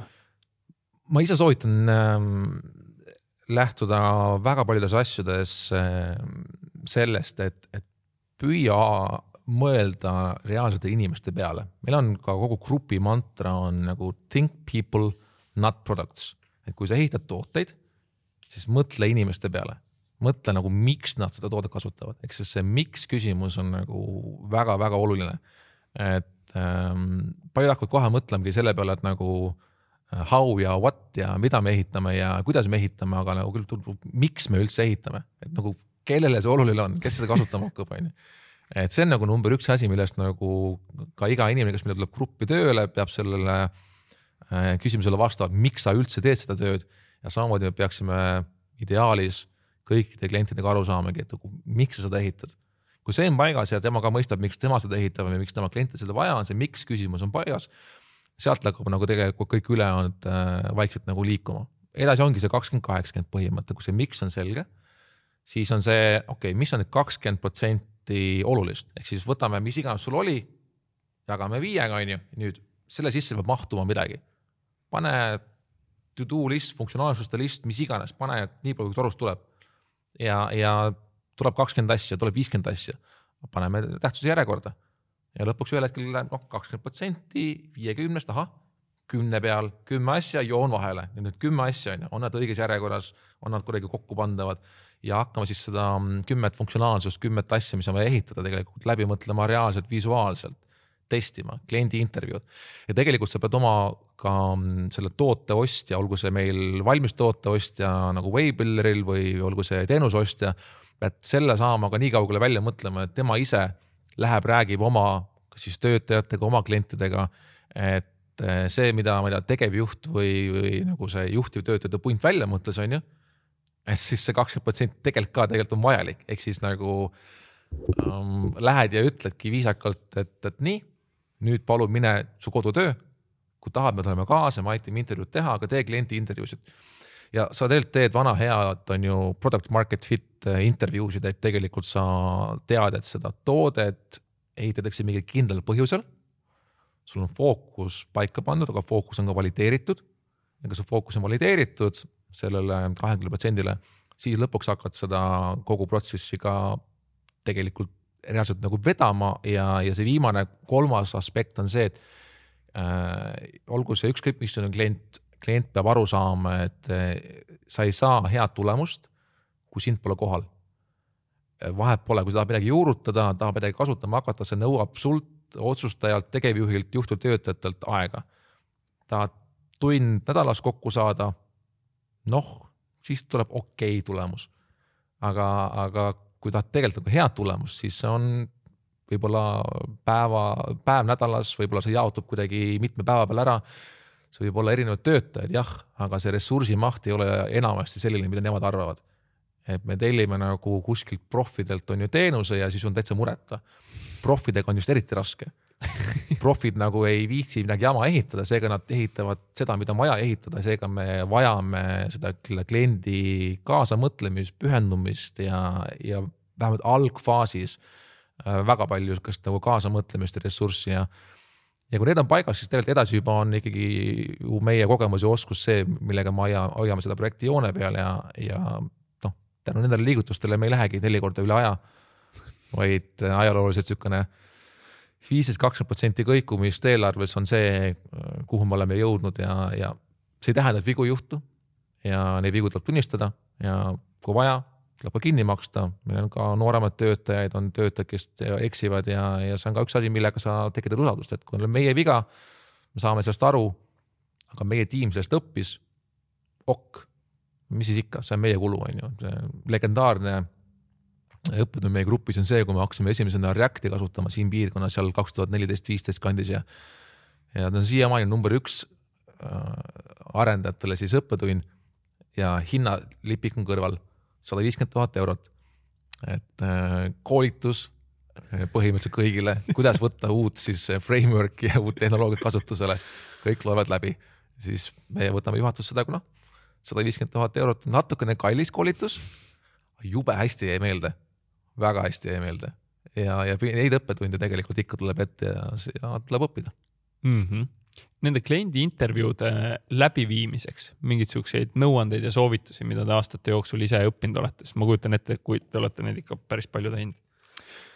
seal kindlasti juba on grupis, ma arvan, Torgit Digitali juhtivtöötajatel ja, ja ekspertidel seal parem oskusteave kui mul, et, et ähm, aga nagu loomulikult ega nende intervjuude puhul sa pead nagu iga intervjuu puhul, ma arvan, sa ise võid olla parem nõuandja kui mina, on ju tegema eeltööd, aru saama, kellega sa räägid ja, ja tegelikult seda protsessi juhtima, nii nagu ka nende klientide intervjuudele, mis ma välistööjõududel nagu rääkisin, et, et enamus aega sa pigem kuulad, saad informatsiooni ja, ja kui ta ongi juba reaalselt see nagu toote äh, siis product market fit intervjuu, eks sul midagi nagu näidata, siis lihtsalt jah, see mm, trikk on see, et ühel hetkel ongi reaalselt mingisugune kas siis slide deck või esitlus sellel kliendil olemas, et hakkab nagu visuaalselt aru saama, et see toode hakkab välja nägema selline. disain on tänapäeval piisavalt odav, et disaini itereerida kolm korda, viis korda, pole probleemi. see on mõnikord viis tuhat eurot kahesaja viiekümne tuhandesest projektist. teed veel viis tuhat eurot, pole hullu, teed kolm korda, pole ikka hullu seega tegelikult äh, peale esimesi nagu neid assumption eid, kui endal on paigas ja hakati disaini tegema, siis ikkagi lõpptarbijate puhul on hästi oluline ka need wireframe'e või disaine, sa näitad, klikid läbi kuni sinnamaani välja, et kui sa paned kümme pilti slaidid tekina üksteise järgi, sa ei pea mingit isegi hullu peent äh, application'it kasutama, et mis siis teeb selle disaini klikitavaks, vaid sa lihtsalt näitad talle, näed, see on esitlus, vajuta, näed, klikk ja kui kes PowerPointi tunneb, kui sa vajutad klikk, siis slaid vahetub. see, see kasutaja mugavuse tunne tekib PowerPointis lihtsalt, noh, vajutasin starti peale, juhuslikult tuleb peale start nuppu vajutades tulebki sulle see pilt ette, mis pidi tulema. et sa saad selle user journey või kasutaja teekonna disainiliselt teilt ette manada ja, ja niimoodi tegelikult on kuni siis suurte funktsionaalsusteni välja, et äh, kõigepealt informatsioon, eeltöö, research ja siis ikkagi inimene on visuaalne pead midagi ette näitama, ta on käega katsutav, see on see asi. ja kui see on tehtud, siis äh, vormistamine on juba, juba ütleme suhteliselt väikse riskiga. kõlab nagu ikkagi eeltöö on alati võti. jah, pretty much sa oled oma elus näinud äh, väga palju startup'e, ütle, mille pärast osad lähevad lendu ja osad ei tõuse kunagi maapinnalt õhku? jube klišee vastus, meeskond. et äh, hea meeskond teeb halvast tootest, halvast turuolukorrast midagi ikka ära. et enamasti hea meeskond, isegi kui see esimene mõte oli nagu ilgelt halb ja nad, aga nad teevad asju targalt, ehk siis oli mingi mõte, aga hea meeskond, siis hea meeskond enamasti teab, et ma ei hakka ise oletama, ma lähen teen seda eeltööd. Lähengi räägingi klientidega, lähen räägin äh, reaalsete inimestega, tulen selle product market fit äh,, product market fit infoga tagasi, teen iteratsiooni, teen mingi disaini, lähen näitan uuesti ja tulengi tagasi, sest mulle öeldakse, et noh, sa oled loll, seda pole mitte kellelegi vaja. sobib äh,, tark meeskond, meeskond saab aru, et ahah, aga nendel kümnel intervjuul oli võib-olla mingi muu funktsionaalsus, mingi asi, mingi trend, mingisugune asi, mis sealt tuli välja, aga see on vajalik. teed suunamuutuse ja teed siis sellele asjale prototüübi. et tegelikult nagu hea meeskond, äh, ma arvan, keskendub sellele, et äh, ta tahab reaalselt mingit probleemi lahendada. tal on jällegi see miks küsimus endale ära vastatud, ma tahan seda asja lahendada sellele kliendile, sest et mulle on see oluline probleem ja siis sa seda probleemi lähed lahendama ja sa seda probleemi nii-öelda sihikut oled valmis ka muutma. et, ähm, et jah, see number üks asi on ikkagi meeskond ja, ja just nimelt see meeskond, kes on omavahel läbi vaielnud, miks nad seda teevad. ma ei tea, väga rasked näited, kellelgi on su lähedastest olnud mingit tüüpi, kas, kas haigused või et, sa oled kokku puutunud lapsepõlves mingit tüüpi Äh, probleemidega, väljakutsetega, kiusamine, vägivald või, või mingi psühholoogiline tugi või halb haridus või et need lood enamasti tulevad meeskonnast jube hästi välja, et, et sa saad aru, et see meeskond teeb seda asja mitte sellepärast, et olla äge. et, et teha unicorn'i või et teha miljardi ettevõtet, ei, ma tahan ka olla nagu Pipedrive või mm., et ei. tal on mingisugune siiras probleem, vaatad silma, ütledki, et nii, miks sa seda teed. ja nii kaua küsidki, kui sul tuleb mingi mõistlik vastus ja loomulikult on niisugused nagu külmi ja kalkuleeritud ettevõtjaid ka, kes äh, ütlevadki, et no selle ettevõtte teeme selleks, et noh, lihtsalt ma teen selle äpi ettevõtte ära, on ju, teen exit'i, siis saan viis miljonit, on ju, ja siis ma teen selle teise ettevõtte. see on ka okei okay., et sa saad ikkagi noh, lõpuks aru, et okei okay,, et tal on mingi plaan ja, ja see süsteem. ja, ja lihtsalt see on vaja välja kookida ja, ja minuga jah, see investorina ja coach'ina ongi selles mõttes see koostöö selles mõttes äh, teistsugune, et ma väga palju alguses näen vaeva, et see omavaheline keemia ja usaldus nagu tekib. ma saan tegelikult nagu aru, et, et miks sa seda teed. kuni mingi lapsepõlve traumadeni, muredeni välja, et ma nagu mõistan inimest. ja, ja seega nagu see üks-kaks esimest inimest äh, meeskonnas on isiklik mingisugune mure või vaev on nagu number üks indikaator. number kaks on loomulikult nagu see turuolukord või, või võimalus turul, et äh, praegu ka on küll kriis hakkamas, aga kriis on üks parimaid aegu, nagu teatakse, et, et investeeri siis, kui on veri tänavatel, on ju, ja, ja tekib võimalusi, seega mingi trendi, on küll demograaf-, demograafiline mingisugune trend või mingi sõjaline olukord meil maailmas nagu ta hetkel nagu on või ta mingi infrastruktuuri suurem muutus, tuleb üldse mingi uus tehnoloogia ma arvan, järgmise viie aasta jooksul saab masinõpe ja tehisintellekt olema see, mis nagu täielikult muudab asju, mida me vajame. ja suure tõenäosusega kümne, viieteist, kahekümne aasta pärast on kõik loovad tegevused, kõik inimeste poolt tehtud tooted, kui seda tegi reaalselt inimene, kümme korda kallima hinnaga. kuna robotid teevad kõik töö ära, tehisintellekt teeb kõik töö ära ja sa hindad seda, et ma nüüd tean, et see tass on reaalselt nagu Anne-Marii poolt tehtud Tartus äh, ühes väikses majas on ju ja maksan selle eest nüüd mitte ühe euro, maksan sada eurot, miks, sest see on inimese poolt tehtud nagu for real. et selles mõttes see kolmas on ähm, nagu keerulisem, aga see teine, see noh, trend või see turuolukord mõistma, et missuguse laine peal sa sõidad, et see on nagu teine asi. ja noh, ma arvan, see kolmas ikkagi on niisugune valu talumine, kannatlikkus kui sa teed seda mingi kindla põhjusega, pole see raske. aga kõigepealt, kui sul on see paigas, et miks sa seda teed, sa saad aru, et sellel on ka turul tõesti noh, miks nüüd, miks meie, on see trend või, või olukord, siis sellest sa ei pääse, et see saab olema ebamugav. iga uue asja loomine on äärmiselt ebamugav ja kuni sinnamaani välja, mida uuem asi see on, mida keerulisem see asi on, siis sa saad aastaid võib-olla pikki päid jalgu selle eest ja sõimatakse ja saad rumal ja mida iganes. et, et ähm, ja isegi kui sa tead nagu faktiliselt, statistiliselt, et see, sul on raudselt nagu õigus. ega see meeldiv ikka pole, kui sulle öeldakse, et sa oled loll. ja seega see kolmas on niisugune kannatlikkus, valutaluvus, arusaamine, et sa mõistad, miks sa seda teed ja, ja siis ka seda teed ja ma arvan, enne viite aastat ei ole ükski ettevõte ettevõte esimesed viis aastat on kõvasti pisaraid, valu ja ebameeldivusi ja jällegi, miks väga paljud ka siis, just nimelt siis äh, ära kukuvad, ongi see, et sa ei tee seda õigetel põhjustel. ja seega investorina või, või coach'ina nii lihtne ongi, miks ma hakkan sealt pihta, et ma trillin kuni sinna lapsepõlveni välja. ja, ja kui ta teeb asju õigetel põhjustel, siis isegi kui nüüd see turutrend muutus nii radikaalselt, et lihtsalt polnud mõistlik jätkata aga ta tegi seda ikkagi kannatlikult ja süsteemselt, sest ühel hetkel noh, põikpäisus nagu polnud enam mõistlik, siis ta võtab midagi muud ette ja ta teeb seda varem või hiljem ikka nagu ära ja sihukese pankroti või fail imise puhul olen ma hea meelega uuesti esimene investor. ei ole mingit probleemi, et, et kui sa teed seda pankroti läbipõlemise nagu auga läbi, läbipaistvalt, kommunikatsioon on korras, on ju, siis, siis pigem ma isegi tahan investeerida veel rohkem. et äh, tihti toon näited, meie vana hea Kraavi Ott on ju.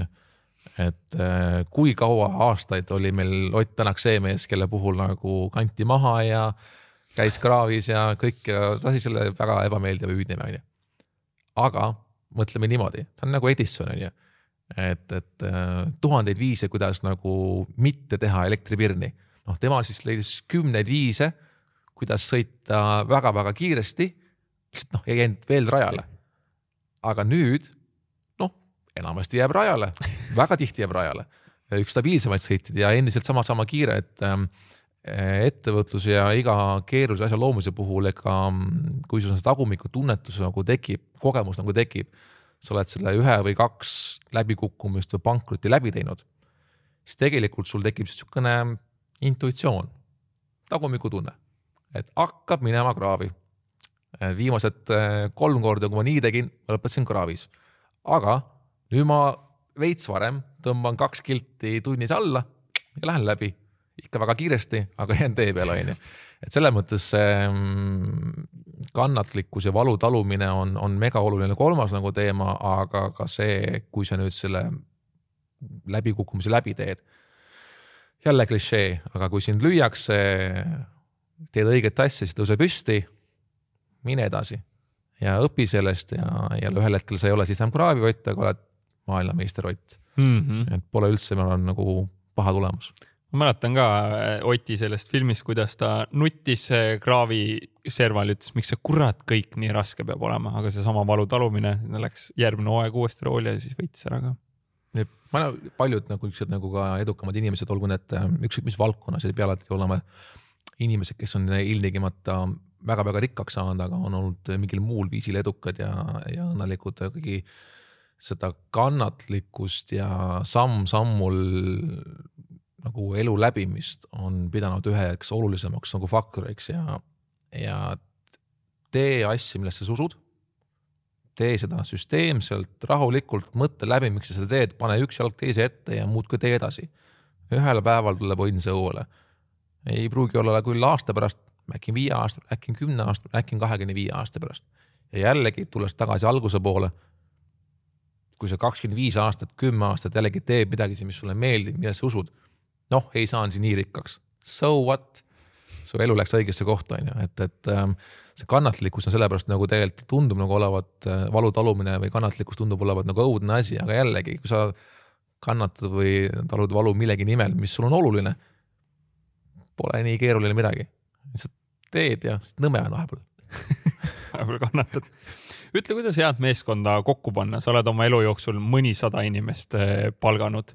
ma ei tea, kui palju sa lahti lasknud oled, aga kuidas see hea meeskond siis lõpuks ka nagu leida lisaks nendele founder itele, kellel on see miks kindlasti nagu paigas ja teada? me kasutame väljendit, milles me alati nii head ei ole, et ähm, hire slow, fire fast, et, et palka aeglaselt ja vallanda kiiresti. läbi aegade pean ütlema, et me oleme muutunud aeglaselt palkamises päris heaks väga palju näeme vaeva, et palkamisprotsess oleks mitmeetapiline, intervjuu, tiimi intervjuud, kõik maad, muud taolised teemad, väärtuste klapp ja nii edasi. Ähm, aga kuna me oleme suhteliselt ikkagi heatahtlikud inimesed, siis kiiresti vallandamine ei tule veel nii hästi välja. selles me ikkagi oleme teinud päris tihti ka iga mõne aasta tagant uuesti mõne vea. ja see on selle võrra just kurb, et tegelikult see kõlab ju noh, et kuidagi hästi julm, et, et kiiresti vallandada tegelikult ärme raiska üksteise aega, sa hoiad kedagi kinni, kes võiks teha midagi talle sobivamas kohas, talle paremas kohas, tegelikult sa teed kõigile teene. jällegi, sa ei pea olema ilmtingimata selle inimese sõber. Aga sa omad vastutust, kui sul on kogemus, et tegelikult aidata inimene õigele teele ja, ja see ongi minu puhul olnud nagu number üks viga, et ma pole tegelikult õigetel hetkedel inimesi vallandanud. et, et ma tean, et, et tegelikult tema aeg on siin ettevõttes ühele poole saamas ja, ja noh, see see vallandamine võib olla ka viisakas väljasuunamine, et kuule, sa oled aastaid rääkinud seda teemat, on ju, mine ja tee ära, no näed, siin on sulle kakskümmend viis tuhat eurot investeering. mine nüüd ära, ole õnnelik. Läheb kehvasti, oled sina õnnelik, mina õnnelik, et sa siin nagu ei mürgitanud teisi, on ju, ja, ja kõik on hästi, tule tagasi.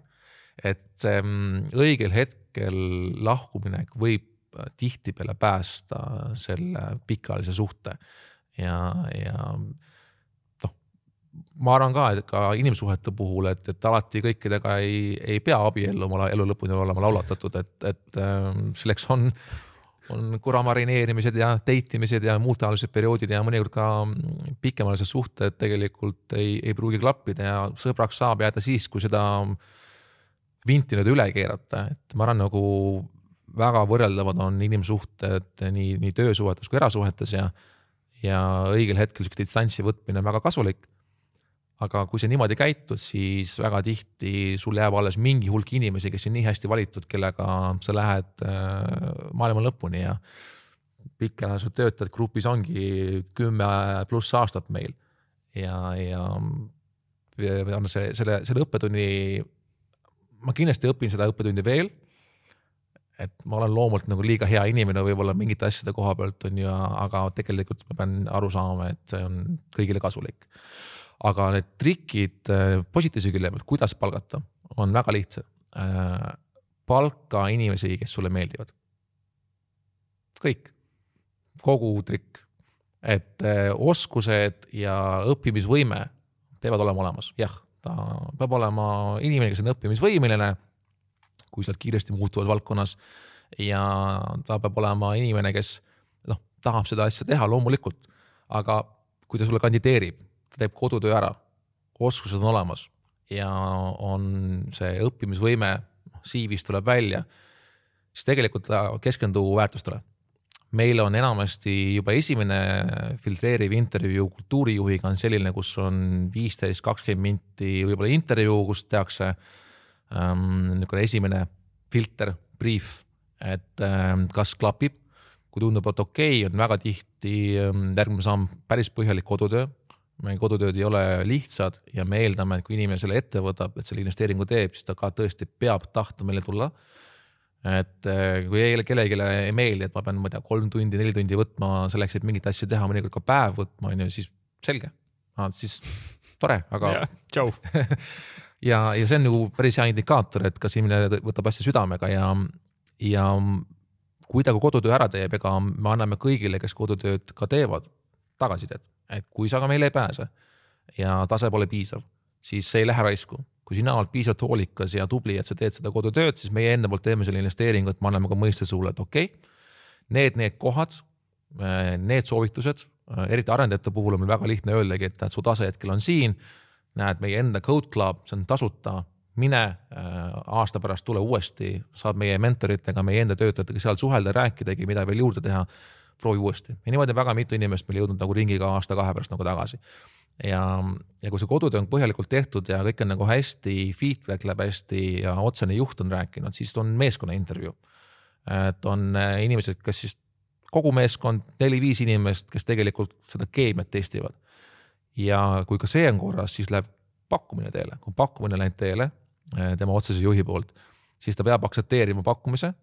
kõik intervjuud on toimunud, aga minuga intervjuu on veel tegemata. see on veel viimane intervjuu, kus ma kõikide inimestega grupis veel viimast korda räägin, kus tegelikult ma räägin kõigest muust kui kodutööst ja CV-st ja, ja tööst.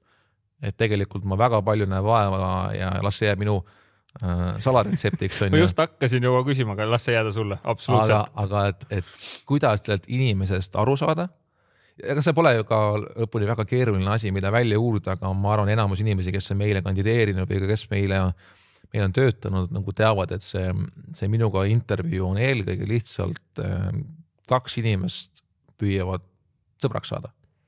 ja rääkidagi asjadest, mis tegelikult elus on olulised.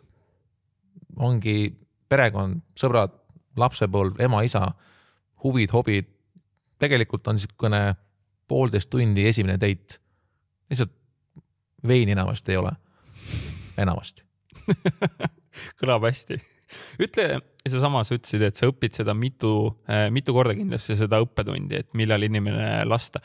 kuidas sa tead, et see on nüüd õige hetk, et nüüd tal tuleb lasta minna?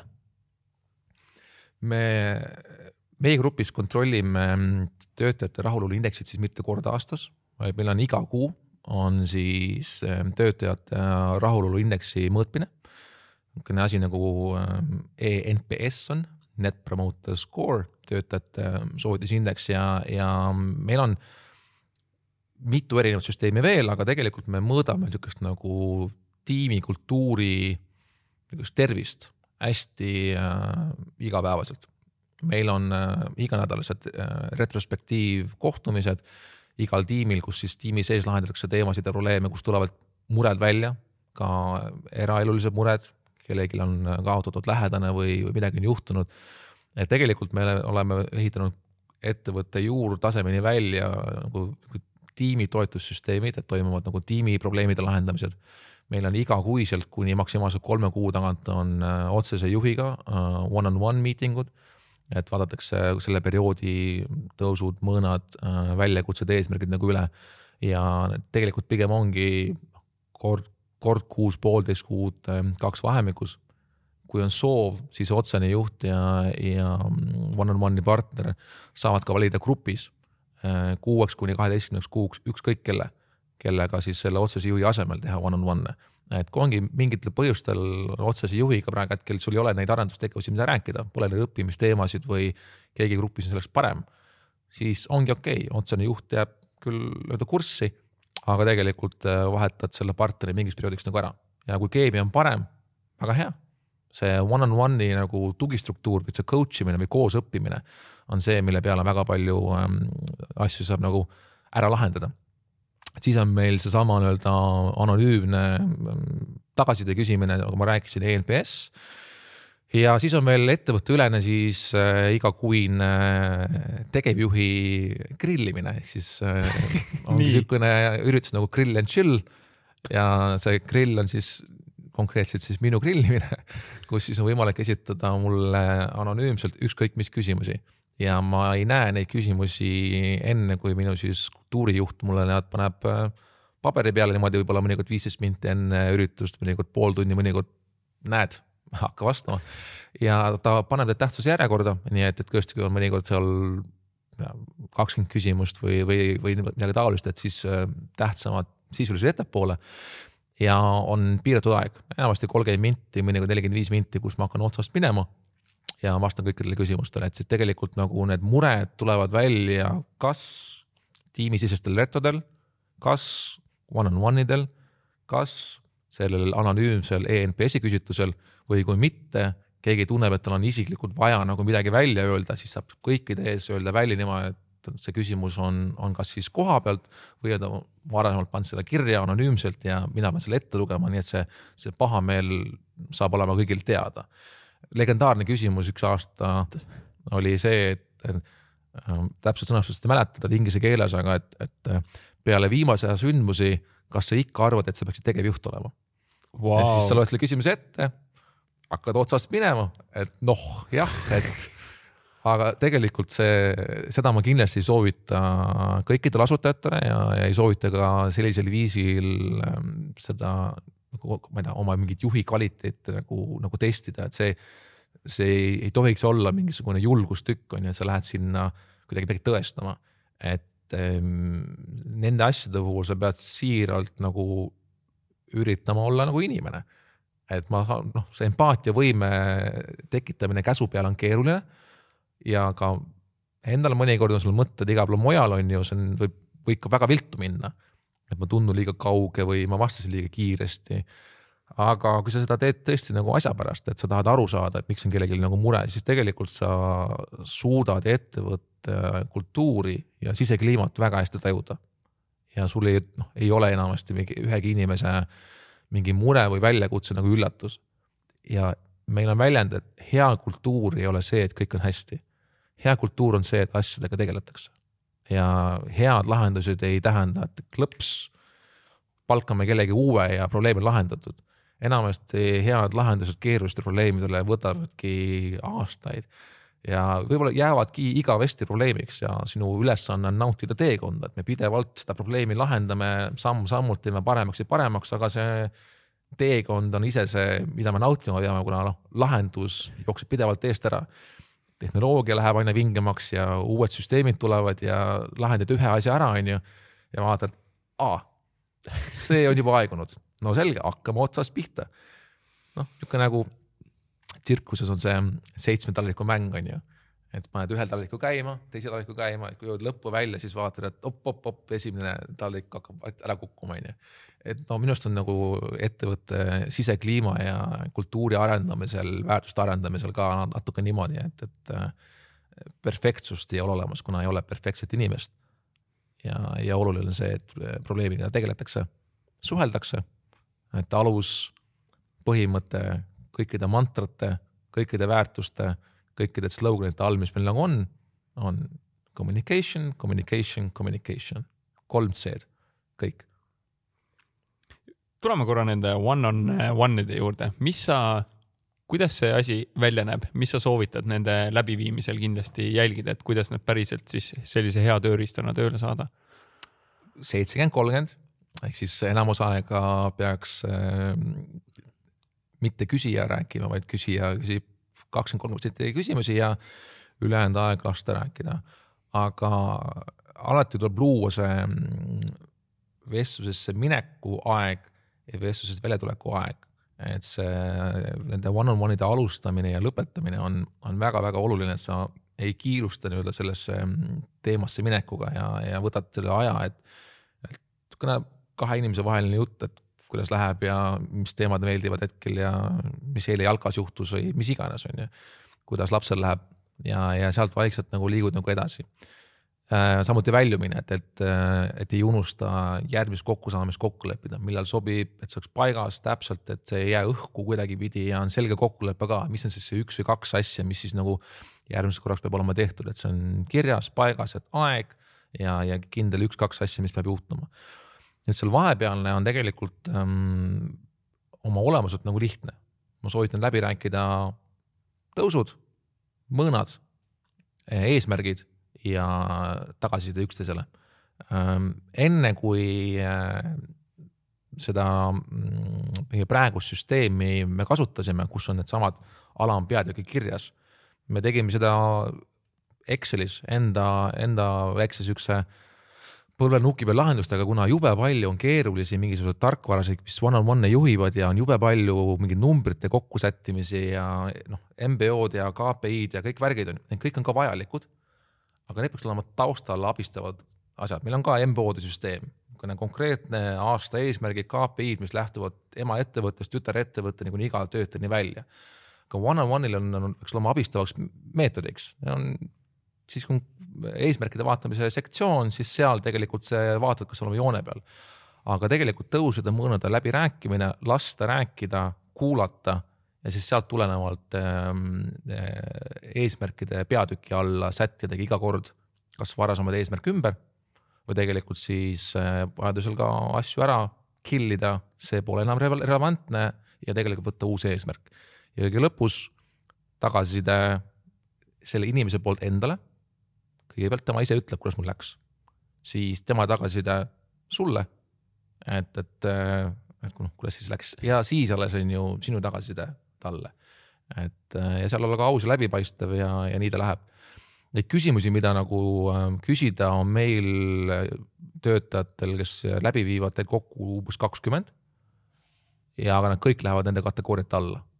ja noh, eks iga ettevõte saab neid küsimusi endale teha täpsemaks, detail, detailsemaks ja, ja mul on niisugune viieteist aasta kogemuse peale siis välja kujunenud niisugune umbes kakskümmend küsimust, mida siis on mõistlik silmas hoida ja, ja seal on täpsustavaid küsimusi, kui on highs või lows on ju okei okay,, sündmuste kohta, inimeste kohta, aitavad tegevused, toetavad tegevused, need noh, kultuurilised tegevused, et see ei olegi niivõrd oluline, aga neid küsimusi ma arvan, iga ettevõtja ja, ja ettevõte peaks ise vaikselt nagu lihvima, et need oleksid nagu nende enda küsimused ja nende enda teemad ja mis nendele sobivad, et ähm, igale ühele nii avatud kommunikatsioon nagu meil on, ei pruugi sobida ja tuleb aru saada, et, et sa pead ikkagi vastavalt oma ettevõtte valdkonnale ka oma organisatsiooni kultuuri looma. et ähm, auditeerimise või raamatupidamise tarka, raamatupidamise ettevõtte kultuur ja, nendele sobiv kultuur ei saa olla sama, kui on, ma ei tea, mõnes tehases või on mingis disainibüroos. ja see ei tähenda, et nende kultuur, mis on teistsugune, on halvem või parem aga sa pead aru saama, et äh, nad on teistmoodi inimesed, teistsugune töö, seega nagu ka need küsimused one-on-one idel peavad sinu kultuuri ja valdkonda natukene peegeldama. Sa oled äh, LinkedInis äh, kirjutanud ja artikleid ka nüüd, et kriis on tulemas, kuidas sa ise selleks oled valmistunud?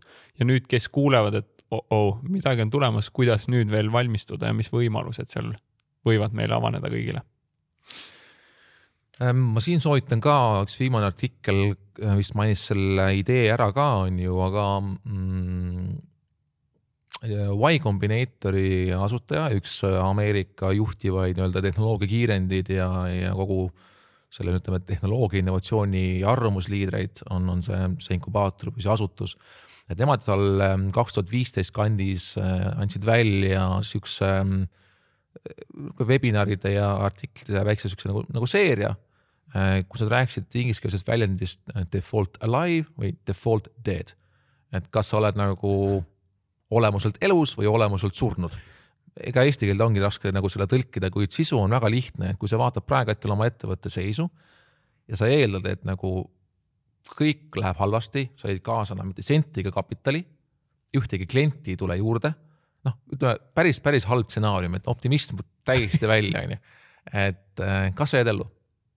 ja kui sa jääd ellu, see ei tähenda, et sa ilmtingimata mm, pead eeldama, et mul on äh, klientide juurdetulek null. Aga sa ei pane seda investoritele mõeldud ilusat äh, roosamanna prognoosi, vaid siis sa mõtled läbi, et, et nii, mis mul tegelikult nagu paistab ja terendab.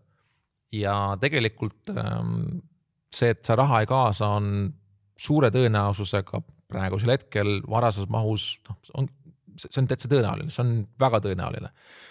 seega raha ei kaasa väga mõõdukas kasv, mis mul seis on. ja kõige hullem stsenaarium ongi see, et äh, pead kohe ja nüüd koondama. kes koondab esimesena, võidab, on niisugune julm, aus, aga karm tõsiasi. Ja kahjuks väga tihti selle roosa manna taga mida ka meie vabariigis äh, võib-olla liiga palju poliitikute poolt räägitakse, et noh, pole hullu ja tuleb küll külm talv, aga saame hakkama ja ei, tuleb koondamiste laine, tuleb pankrottide laine. Ja kes, hakkab esimesena pihta, nendel on ehk piisavalt varusid, et eh, nendele, kes jäävad ettevõttesse, suudad tööd pakkuda. seega nagu see on jällegi valus, ebamugav, aga ainuke vastutustundlik eh, asi, mida teha, sest et eh, vastasel juhul sa kaotad kõik töökohad. ja kui sa teed seda praegu ja kohe, sa jõuad selle nagu mm, puhastunud nii-öelda organisatsiooni pealt tegelikult enda ettevõtet ja enda kasumeid eh, hoida ja olla abistavas positsioonis. sul jääb see, see endal seda jõudu piisavalt, et sa kedagi saad aidata. Versus see, et sa ise ühel hetkel, kui see kriis sulle latakaga pikki pead tuleb, on ju, et siis tegelikult hakkad liigutama, siis sa tegeled enda asjadega. Need lähevad pekki, on ju, seega nagu ähm,, nagu kohe ja nüüd ja juba on natuke hilja. Aga nagu parem hilja kui mitte kunagi ja, ja selles mõttes, et default alive, default dead mm, soovitan otsida üles ähm, kas siis see blogipostitus või see väljend, kus kus, ähm, kus seda kasutatakse, mõni, mõni äh, Youtube'i video, et seda on paaris kohas nagu räägitud, aga, aga tuleb aru saada, et noh, väga tihti su investorid ei ole su sõbrad ähm,. Investorite eesmärk ei ole see, et sa jääd ellu. investoritel on portfell, kümme ettevõtet ja kui nemad räägivad sulle roosamanna juttu, et nagu anna gaasi, pane nagu edasi, on ju, täiega on ju, tuled kriisist läbi, on ju, kasuta kriisi tore jutt, on ju, aga see on umbes nagu nende poolt vaadatuna, et sul on kümme lennukit, kõik sihivad mäge. Ja kui sa kõiki kümmet nagu push'id, siis üks neist on nagu ju Top Gun ja Maverick on ju, kes siis tuleb ime kuidagi läbi, on ju, aga ülejäänud kolm või ülejäänud üheksa lendavad õhku, on ju. et selles mõttes nagu ja nendel pole muud vajagi, kui seda ühte hullu, sest see toob kogu fondi tagasi. Neil pole vaja, et nagu pooled jääks ellu, neil on vaja, et nagu üks tooks tagasi kõikide teiste lossi et kui nemad mängivad riskantset mängu, siis nendel on see okei okay., see on portfelli strateegia. Seega ära kuula nagu siinkohal ikkagi lihtsalt eh, pimesi oma, oma nii-öelda investoreid, eh, püüa mõelda selle peale, mis on sinu ettevõttele, sulle kõige kasulikum. loomulikult tuleb täita lepinguid ja, ja tuleb võib-olla investoritega piike murda, aga siis tuleb ka ausalt rääkida, kuule, ma näen, mis sa teed siin, on ju, ma saan aru, et sa tahad, et ma paneksin täie hooga väkke või siis napilt läheb mööda. Ma ei tee seda riski, on ju, mul on töötajatest nagu äh, liiga suur hoolimine, ma ei, ma ei tee seda, see pole viisakas, see pole okei okay,, mulle ei meeldi, mis iganes. või siis sa võtad kalkuleeritud riski, sa tead, mis sa teed siis ka tead, et see oli nüüd see, see risk, mis ei, ei lõppe suure tõenäosusega hästi. me ise oleme seda asja näinud ette tõesti juba mõnda aega ja me oleme nagu grupina läbi elanud erinevaid, ähm, erinevaid kriise, aga jah, meie oleme kaks tuhat üheksateist lõpus, enne juba koroonat, oli niisugune äh, grupisisene, võib öelda mingite hulga töötajate niisugune mäss või? Et äh, kus tegelikult üks hästi suur ähm, klient nagu tegelikult laias laastus ära viidi lihtsalt ja tehti ettevõttele päris suurt kahju ja, ja tollel hetkel jõudis nagu meil hästi-hästi kohale kuidagi selle aastalõpu vestlustega ja enne koroonat, et, et me olime, me oleme olnud liiga näljased. et me oleme kasvanud ja, ja hästi kiiresti ja palganud inimesi natuke liiga uisapäisa. ja, ja me saime selle õppetunniga seitsme-kaheksa inimese võrra väiksemaks. toimus niisugune ükspuhastumine. siis tuli koroona ja meie mõne ettevõtte käive grupis kuk-, grupis kukkus kaks korda. nii, ühtegi inimest ei pidanud enam koondama, me jäime ellu, kõik oli korras ja tegelikult me puhastusime sisemiselt, saime aru, et me saame väga hästi hakkama mingi seltskonnaga, kes olid väga tublid inimesed ja tegelesime üksteisega mentaalse tervisega, valmistusime selleks ja hakkasime äh, ettevõttesse omanike poolt reinvesteerima tulusid. meie grupp pole võtnud äh, kunagi dividende välja, aga meie enda muudest varasematest tuludest oleme ka viimase kahe aasta jooksul teinud veel osakapitali ka veel sissemaksed. kahe aasta jooksul mõõdukalt, et kuigi oli väga-väga raske, siis tuli koroona oli veel raskem, siis selle asemel, et nagu midagi veel nagu kuidagi varuks võtta või välja võtta, siis ei, me panime veel juurde äh, ettevõttesse niimoodi, et see grupp kannataks nagu uusi lööke ja kaasasime kapitali siis, kui äh, see oli võimalik juba eelmisel aastal ja ka tütarettevõtetesse. kõik tütarettevõtted olid kapitaliseeritud, kõik fondid said äh, juurde tõstetud ja kõik meie fondi ligi kakskümmend investeeringut siis aasta algusest saati on kõigile räägitud, et nii, olete te default alive, default dead, kulustruktuur, kus ta break even on ja äh, kõigil on olnud ka võimekus äh, fondide alt juurde investeerida. kui nad ka jäid nende muudatustega natuke viimase hetke peale, siis me läheme ikkagi investorina follow-up investeeringuga, oleme läinud kaasa. või siis mõne puhul noh, me omame seda varu et neil läheb seda arvatavasti vaja.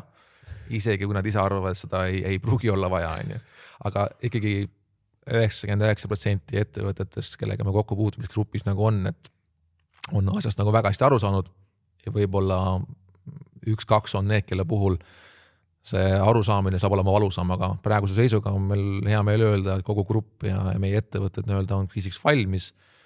mitte, et see meile meeldib, saab olema, kellelegi ei meeldi, aga, aga loodame, et, et äh, meil läheb hästi, kuna tegime endast parima seda on äh, rõõm kuulda, kuidas sa jälle oled strateegiliselt näinud väga pikalt seda lahinguvälja ette. ja mul on hästi hea meel, et sa tulid siia podcast'i, sa jagasid seda praktilist teadmist kui ka seda filosoofilist poolt, mida meil vaja on ja mul on selline tunne, et see meie viimaseks vestluseks siin podcast'is jääs, mul on mingid pooled küsimused küsimata, mida ma oleks tahtnud. aitäh sulle, Raido Pikkar. hea meel. suur aitäh, et sa selle podcast'i lõpuni kuulasid. enne veel, kui sa lähed oma igapäevaste toimetuste ja tegemiste juurde, siis mõned teemad. kui sul on vaja enda turundusteadmisi tõsta või meeskonna taset tõsta, siis äh, tule turunduslaborisse. seal on üle saja video, mis aitavad sul ja meeskonnal rohkem kliente saada ja mitte ainult rohkem kliente saada, vaid ka neid äh, paremini hoida. seal on äh, lisaks minu videotele üle kahekümne teise eksperdi video ja soodsa kuutasu eest saad kogu sellele materjalile kohe ligi. lisaks on seal koostegemise päevad, küsimused-vastused, kõned ja foorum, mis aitavad eh, sind edasi, kui sul on mingid küsimused, tõrked või takistused. nii et tule kindlasti turunduslaborisse teine asi on see, et kui sul on vaja korralikult töötavat veebilehte, mis oleks kui müügimees ja aitaks sul paremini eksporti teha või siis siin koduturul paremini müüki teha, siis äh, tule uuri lavi.ee. see on meie digiagentuur ja sealt sa leiad ka siis äh, erinevaid äh, sisekoolitusi, konsultatsioone, mida me teeme, strateegiaid, mida me kokku paneme. nii et kui sul on abi vaja, siis tule uuri ja võib-olla me saame sind aidata. ja kolmandaks, kui sul on vaja kvaliteetset podcast'i teha, veebiseminari läbi viia või enda lehele äh, tõesti hästi tehtud videoid salvestada, siis äh, uuri Maraton Stuudiose kodulehelt, kuidas nemad saavad sind aidata. maratonstudios.ee ja samamoodi äh, on nemad kogu turunduslabori loomise taga, kogu sellesama podcast'i on nad aidanud mul luua ja koos me tegime ka Eesti kõige suuremad online turundusüritused, eh, kaksteist tundi turundust ja kaksteist tundi turundust e-kaubandus. nii et uuri kindlasti ka nende veebilehte ja ma usun, et nad saavad sind samamoodi aidata, nagu nad on aidanud mind